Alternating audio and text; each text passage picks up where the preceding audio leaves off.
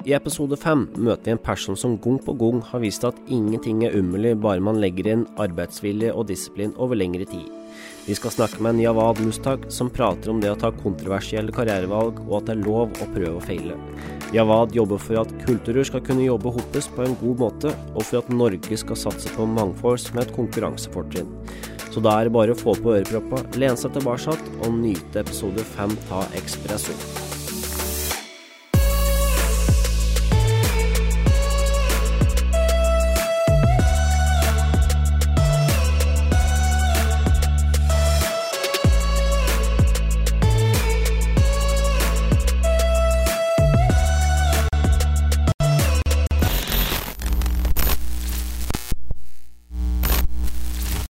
Hallo, velkommen til eh, nok en episode av Ekspresso. Og i dag så skal vi ta en prat med Jawad Mushtak. Jawad, takk for at du tar deg tid til å slå av en prat. Skulle bare mangle. Ja, Så eh, til å begynne med, kan ikke du fortelle litt uh, hvem du er, for de få som ikke vet hvem du er? Jeg heter Javad Jawad Mushtak. Eh, Jeg er eh, en haldenser. eh, Født og oppvokst i Halden. Sønn av en innvandrer som kom fra Pakistan tidlig på 70-tallet. Jeg pleier å tulle med å si at Norge fant oljen i 69, og faren min fant Norge i 71. Om det er noen korrelasjon, det vet jeg ikke, men det var nok et smart strategisk valg. Kan ikke du fortelle litt hva du har gjort de siste årene, og på en måte hva skjedde etter du kom ut fra Halden? Altså, det har jo vært en veldig interessant reise eh, fra Halden til Oslo, der jeg er i dag. Jeg kommer jo fra en familie som ikke har eh, kommet fra en veldig god kår, eh, som måtte jobbe knallhardt for å få en, en fremtid for seg selv. Så jeg begynte å jobbe i en veldig tidlig alder. Eh, I en alder 13 så fikk jeg min første jobb eh, som avisbud, eh, og begynte å kaste aviser. For jeg hadde lyst til å kjøpe mobiltelefon. Og på den tiden så, så hadde vi ikke råd til å kjøpe telefon, så jeg brukte først et par lønningene mine til å kjøpe en telefon. Brukte den i ca. en måneds tid. Det var sånn Nokia 3510, sånn polyfoniske ringetoner. Det var tider. Um, eh, men så klarte jeg å miste den i vannet, da. Og eh, du kan jo tenke deg at du er en ung kar som har jobbet knallhardt for å kjøpe en telefon, og så klarer du å miste den i vannet. Eh, det gjør noe med deg. Men det skulle ikke stoppe meg. Jeg trengte en ny telefon. Så jeg gikk på finn.no, og så begynte jeg å se etter nye telefoner. Og begynte å bli ganske god på å prute og forhandle meg til god pris. Så kjøpte jeg en telefon, brukte den i seks måneder og klarte å selge den for mer enn jeg kjøpte den for. Og da tenkte jeg at dette er en businessmulighet. Ja. Så jeg var 13 år gammel. Så mellom alder av 13 og 15 så hadde jeg kjøpt og solgt 150 telefoner. Så det var min første business. Ja. Og mellom alder av 15 og 17 så tenkte jeg at eh, jeg eh, skal ikke betale for innhold på telefoner. Så jeg gikk sammen med en, eh, en kamerat av meg fra Kristiansand. Eh, lærte meg litt programmering og lagde av det som var første eh, opplastingsnettstedet eh, for mobiltelefoner i Norge. Det var liksom en mentalitet du hadde da, eh, som handlet om at du prøvde å finne løsninger, eh, og bedre løsninger enn det som eksisterte, fordi du kanskje ikke hadde de mulighetene. Og bakgrunnen skulle ikke være til hinder for å få til de samme mulighetene som alle andre hadde. Men eh, når, du jobber, når du bor i en liten by som Halden, da, så møter du veldig mye på motstand. Du møter mennesker som kanskje ikke har møtt så veldig mange som har en annen bakgrunn. Og det gjør at du dessverre møter litt eh, ignoranse og, litt rasisme iblant. Da. Eh, jeg hadde lærere som ikke helt trodde på meg. Eh, jeg hadde også medlever som sa at du kan ikke lykkes. Eh, og det begynte å få meg til å tenke litt annerledes på hva er det som er egentlig er problemet her. da. Så tenkte jeg på et tidspunkt at jeg kanskje ikke er norsk nok. da. Og måtte begynne å bli mer norsk enn det jeg var. Eh, eh, vi spiste jo fisk og brunost og sånn, så det var kanskje ikke nok. da. Jeg kunne ikke gå på ski. Eh, men så valgte jeg nynorsk. For det var liksom min greie som finnet det som norskeste som fantes på den sida. Ja, det er det. Ja. Så gjorde jeg det dårlig første året, i åtte. Veldig dårlig andre året. Sto så vidt. Eh, Og siste året eh, på, på ungdomsskolen så sa jeg at jeg må vise at jeg også skal lykkes i det faget her. da. Og endte opp med å sette meg ned og gjorde en tolkning av modernisert tolkning av et nynorsk eventyr. Og endte opp med best karakter i klassen.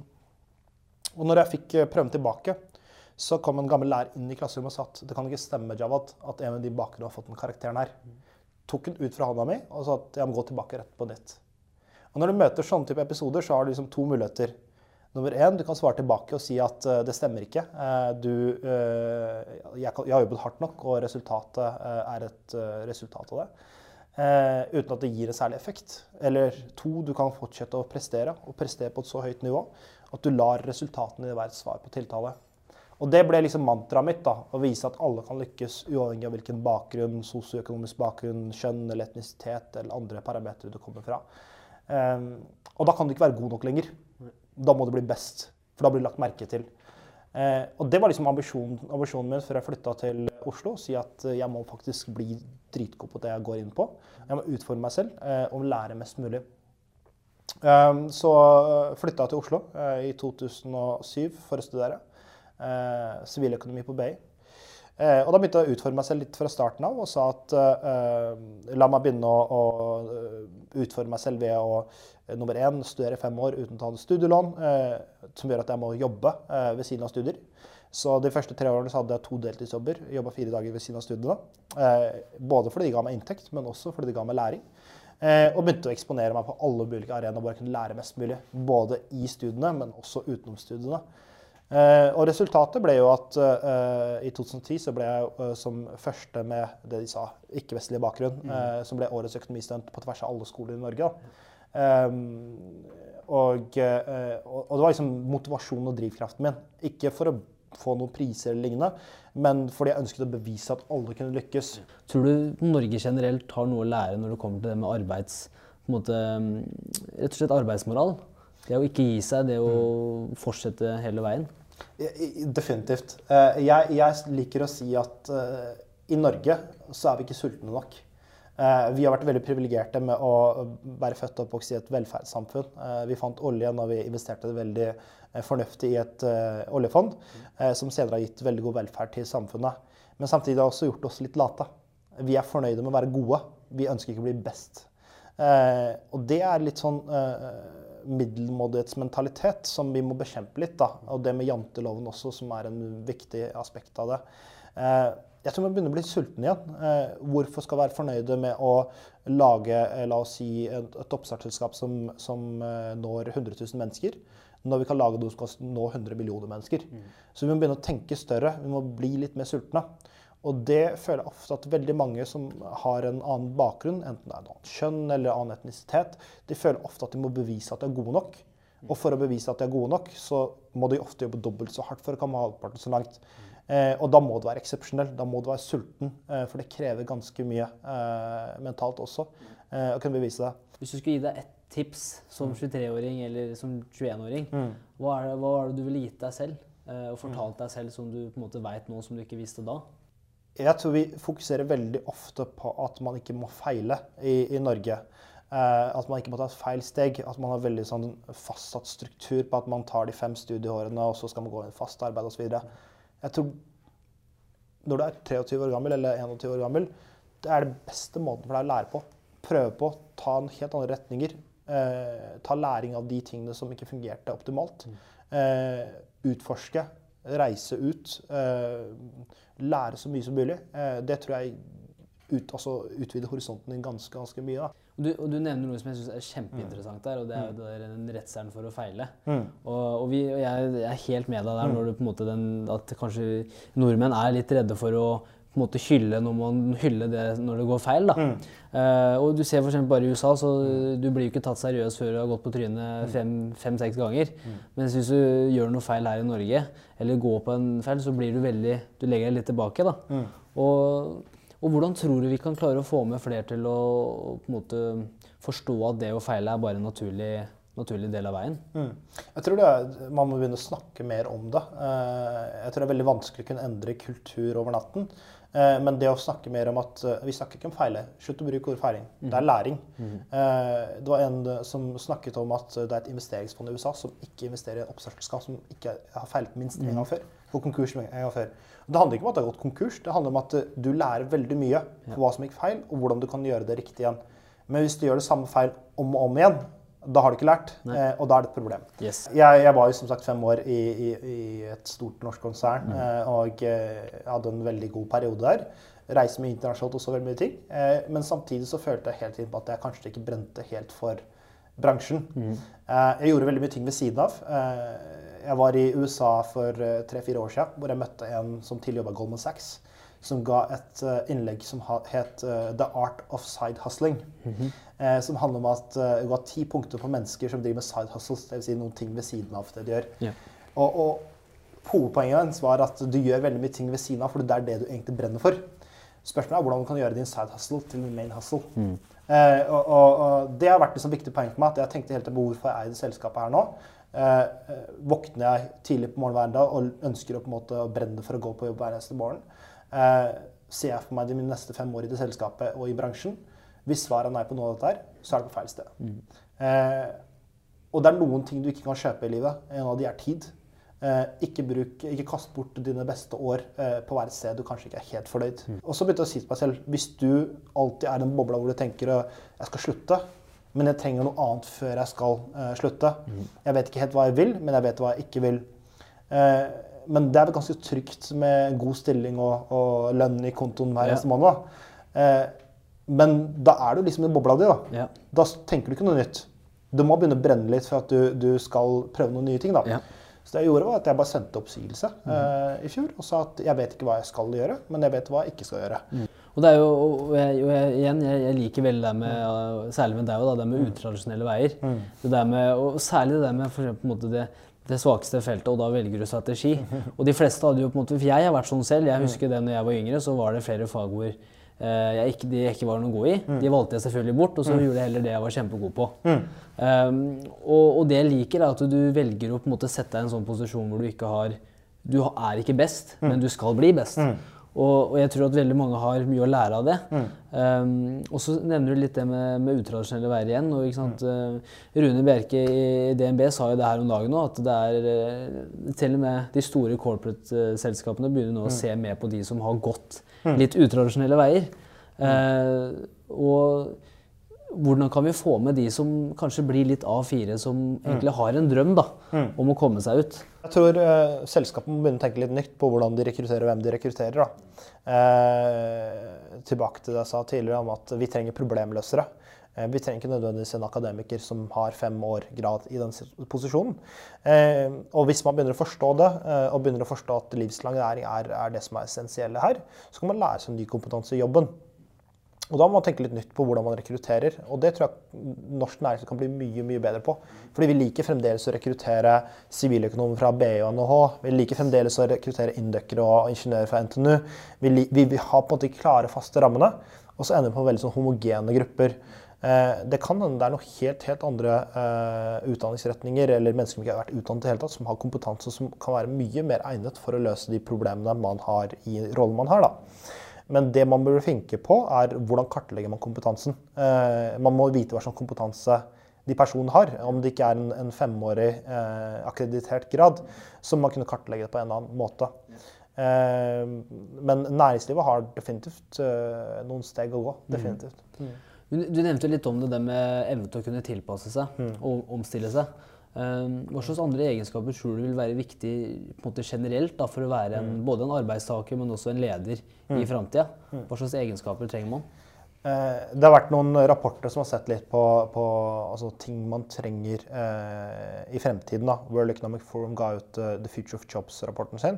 Og da begynner vi å se på problemer som er mye mer eh, menneskelig orienterte. Eh, som empati, emosjonell intelligens, komplekse problemløsningsegenskaper. Eh, sånne type ting eh, som ikke kan automatiseres så enkelt. Kreativitet er en annen ting. Eh, veldig ofte kommer diskusjonen når man snakker om at i fremtiden så vet vi ikke hvilken rolle menneskene har i arbeidslivet, fordi roboten tar over alt sammen. Realiteten er at roboten bare forenkler og tar bort eh, inefficiencies, altså ting som ikke er så effektive eh, som de tar bort. Men da må vi omstille oss til å ta en annen type rolle. Eh, så det å ha de egenskapene som gjør deg mer menneskelig, er nettopp det som kommer til å være viktigere i fremtiden, tror jeg. da. Men du nevner det med, med Google-mentaliteten. Og på en måte, hva, hva er det du La oss si innen et år, da.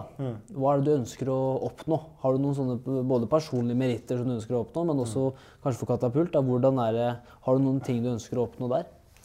Altså eh, Det underliggende fundamentet er jo at man å lage størst mulig påvirkning der man er. Eh, det som er interessant med Katapult, er at det er en systemendringsorganisasjon som bruker eh, kapital til å kunne investere gjennom ulike metoder eh, på selskaper som både er kommersielt lønnsomme og som skaper en bedre verden. Men det vi har begynt å se på, er at vi får veldig mye deal-flow fra eh, det afrikanske kontinentet. Og det er et veldig spennende kontinent. Og, og når, når, vi vet at kontinentet kommer til å vokse så mye Det er en veldig ung eh, nasjon, altså en ung kontinent. Eh, 55 nasjoner er det i kontinentet. Um, så kan man bidra til å tenke litt nytt på hvordan man skaper verdiskapning for de økonomiene der nede. Mm. Eh, og da kan man begynne å tenke nytt i forhold til at vi gir veldig mye bistand som eh, nasjon. Norge gir 1% av deres gross national income som uh, offisiell bistand, eh, som OECD rapporterer.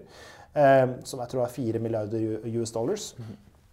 Så i stedet for å gi penger, da, i stedet for å gi deg en fisk som gjør deg mett en dag, så vil jeg lære deg å fiske. Mm. Som gjør at du kan skape din egen, eh, egen føde kan mm. fremover. da. Mm. Så det jeg tenker litt på er Hvordan kan vi bygge opp gode økosystemer for innovasjon og entreprenørskap i, i nøkkelland i Afrika? Eh, hvor du stimulerer til at eh, de unge får da en plattform for å kunne starte opp egne selskaper som er kommersielt lønnsomme, som kan skaleres opp. Eh, som bidrar til at du reduserer da, eh, arbeidsledigheten i de ulike landene som eksisterer der. Mm. og noe av det vi kan tenke på i forhold til kapital, er at istedenfor å gi bistand direkte, så kan man ta noe av den bistanden som vi gir som norsk nasjon, til å investere da i akseleratorprogrammer eller oppstartsfond eller lignende. Og det er et ekstremt spennende område.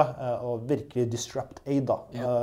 Tenke litt nytt rundt det området og det kontinentet. Så vi kjører noen prosjekter i Afrika på, på, på dette her nå, som er ekstremt spennende. Og det håper jeg vi klarer å lansere ganske snart. Mm. Mm. Og, det, og det syns jeg det er, så, det er, så, kult at, eh, for, måte at man går ut, og så mm. sier man at ja, vi skal vi skal gjøre verden til et bedre sted, mm. men vi skal også gjøre det profitabelt. Mm. Og jeg, jeg, liker den, for at du hører som regel selskapet ja. med en gang du begynner å snakke om økonomien og profitten din her, ja. så blir det sånn ja, men da er det bare egeninteressen mm. som kommer inn. Mm. Men at man, man, tar den rollen, men mm. samtidig så gjør man det jeg vil tørre å påstå at da er du enda mer bærekraftig. For mm. da kan du jo det på en måte gjenskape seg selv framover. Mm. Um, Absolutt. Og, ja. jeg, tenker sånn at uh, vi har veldig sånn feil perspektiv på nettopp det. Vi mm. tror at uh, det å gjøre noe som er bra for samfunnet, uh, kan ikke være finansielt lønnsomt, og vice versa. Eh, realiteten er at hvis du skal skape noe som er bærekraftig langsiktig, så må du skape noe som faktisk er kommersielt lønnsomt. Ja, ja. Som gjør at du faktisk kan leve av det, mm. Eh, samtidig som det skaper positiv eh, avkastning. Mm. Nå kan det hende at avkastning kanskje er litt lavere enn om det hadde vært et rent kapitalistisk organisasjon. Men, men, og du måler kanskje på en litt annen måte, men realiteten er at du kan tjene penger og skape en bedre verden. Mm. Og jeg tror det er det som modellen man må se på. Ja. Men litt sånn avslutningsvis òg. Hva, vi snakka litt om hva slags tips eller råd vil du gi til deg selv mm. hvis du hadde vært ung igjen. holdt jeg på å si, Men da er jo fortsatt ung. Men, men hva, hva, har på en måte vært de største, største læringene for deg mm. eh, generelt eh, mm. de siste årene? Jeg tror man må tørre å ta litt uh, mer risiko enn det man tar. Uh, Altså, verden går ikke under om du eh, slutter et sted og starter et nytt sted. Det er bare en ny type læring. Ja. Eh, ikke vent for lenge. Eh, det er alltid bedre å prøve noe nytt og heller gå tilbake hvis ikke det fungerer optimalt. Det er sånne type ting som jeg tror er ekstremt viktig å tenke på. Vi eh, går veldig ofte en felle hvor vi går inn det tradisjonelle løpet, og så skal man ha boliglån og billån, og, mm. Eh, og, så har man liksom ikke mulighet til å hoppe ut lenger. da. Men tenke litt mer på at man eh, tar litt mer risiko når man er ung Eksponer deg så mye som mulig, lær så mye som mulig, reis så mye som mulig. Mm. Det er ting som gjør deg mer eh, moden. Mm. Uh, det gjør deg mer uh, får bredere horisont. Du, mm. du, lærer mer, du forstår bedre, du får uh, større åpenhet. du forstår mangfold mye bedre. Mm. så dette er ting man, man, bør gjøre når man er ung og har muligheten. Ja. ikke komme fast i den tradisjonelle sykelen som man kommer fast i. da. Eh, så det skulle jeg gjerne starte med enda tidligere. Eh, jeg tror de unge som er i en situasjon hvor de kan velge ting, bør tenke litt på at eh, de kan ta mer risiko enn det de tar i dag. Ja. Ja. Og du viser, du viser, en kjempegod evne til å praktisere takknemlighet. Mm. Og, og, for jeg, jeg, merker det gjennom samtalen mm. nå, så har du vært veldig flink til å, du veldig flink til å sette pris på ting. Mm. Uh, hvor viktig har det vært altså, gjennom helt fra de første åra i Halden til videre ut i, på universitetet og sånn? Mm. Det å sette pris på ting? Jeg tror det er eh, helt nødvendig. Jeg tror det holder deg eh, på bakken eh, til enhver tid. Eh, det å forstå at det man har bygget seg opp til i dag, kan gå bort på én dag. Mm. viktig å ha på en måte perspektiv hele tiden. viktig å på en måte overhodet ikke bli arrogant fordi du har klart å få til noe, men heller bruke din plattform for å hjelpe andre og bidra til andre. Eh, jeg tenker hele tiden på at igjen situasjonen og livet mitt kunne vært helt, helt annerledes hvis ikke jeg hadde fått den muligheten jeg har i dag. Eh, Så det å være takknemlig for alle som har bidratt på veien, eh, om det er familie, om det er venner, om det er andre som har støttet deg, eh, sette pris på det, eh, er ekstremt viktig. Eh, Ydmykhet tror jeg er en ekstremt viktig nøkkel for at du lykkes også fremover. da. Mm. Herlig. Tusen hjertelig takk for praten.